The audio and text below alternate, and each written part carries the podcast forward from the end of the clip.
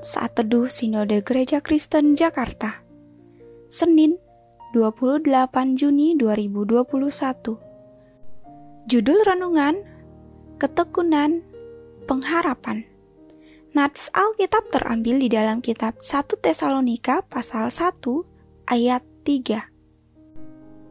Sebab kami selalu mengingat pekerjaan imanmu, usaha kasihmu dan ketekunan pengharapanmu kepada Tuhan kita, Yesus Kristus di hadapan Allah dan Bapa kita.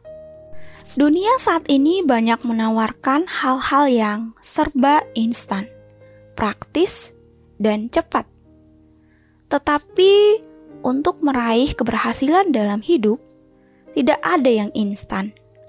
Semuanya membutuhkan proses kita perlu memiliki ketekunan untuk melakukan setiap proses itu. Karena ketekunan dan kesabaran adalah cara terbaik untuk mendapatkan hasil yang sempurna. Demikian dengan iman. Kita mau belajar agar kita bertekun di dalam iman sehingga kita tidak mudah diombang-ambingkan oleh gelombang kehidupan ini. Rasul Paulus menasehati dan mengingatkan kita supaya kita bertekun dalam pengharapan. Ketekunan dalam bahasa Yunani hupomon yang artinya bertahan dalam penderitaan, menjalin disiplin yang keras dan penuh tekanan, tidak menyerah kepada tekanan dan kesulitan tersebut. Kondisi jemaat Tesalonika pada saat itu hidup bercampur dengan orang Yahudi, orang kafir yang baru bertobat. Mereka juga mendapat hinaan dari orang Yahudi. Bahkan ada banyak penganiayaan dan penderitaan yang mereka hadapi. Selain itu juga, di tengah-tengah mereka ada banyak pengajaran-pengajaran palsu yang berkembang. Tantangan-tantangan inilah yang membuat iman mereka bisa goyah. Maka dari hal tersebut, Paulus menasehatkan mereka agar bertekun dalam pengharapan. Pengharapan yang dimaksud adalah pengharapan akan kedatangan Kristus yang kedua kalinya. Perjalanan kita masih panjang menuju kepada kedatangan Kristus kedua kalinya. Berapa panjang dan berapa lama?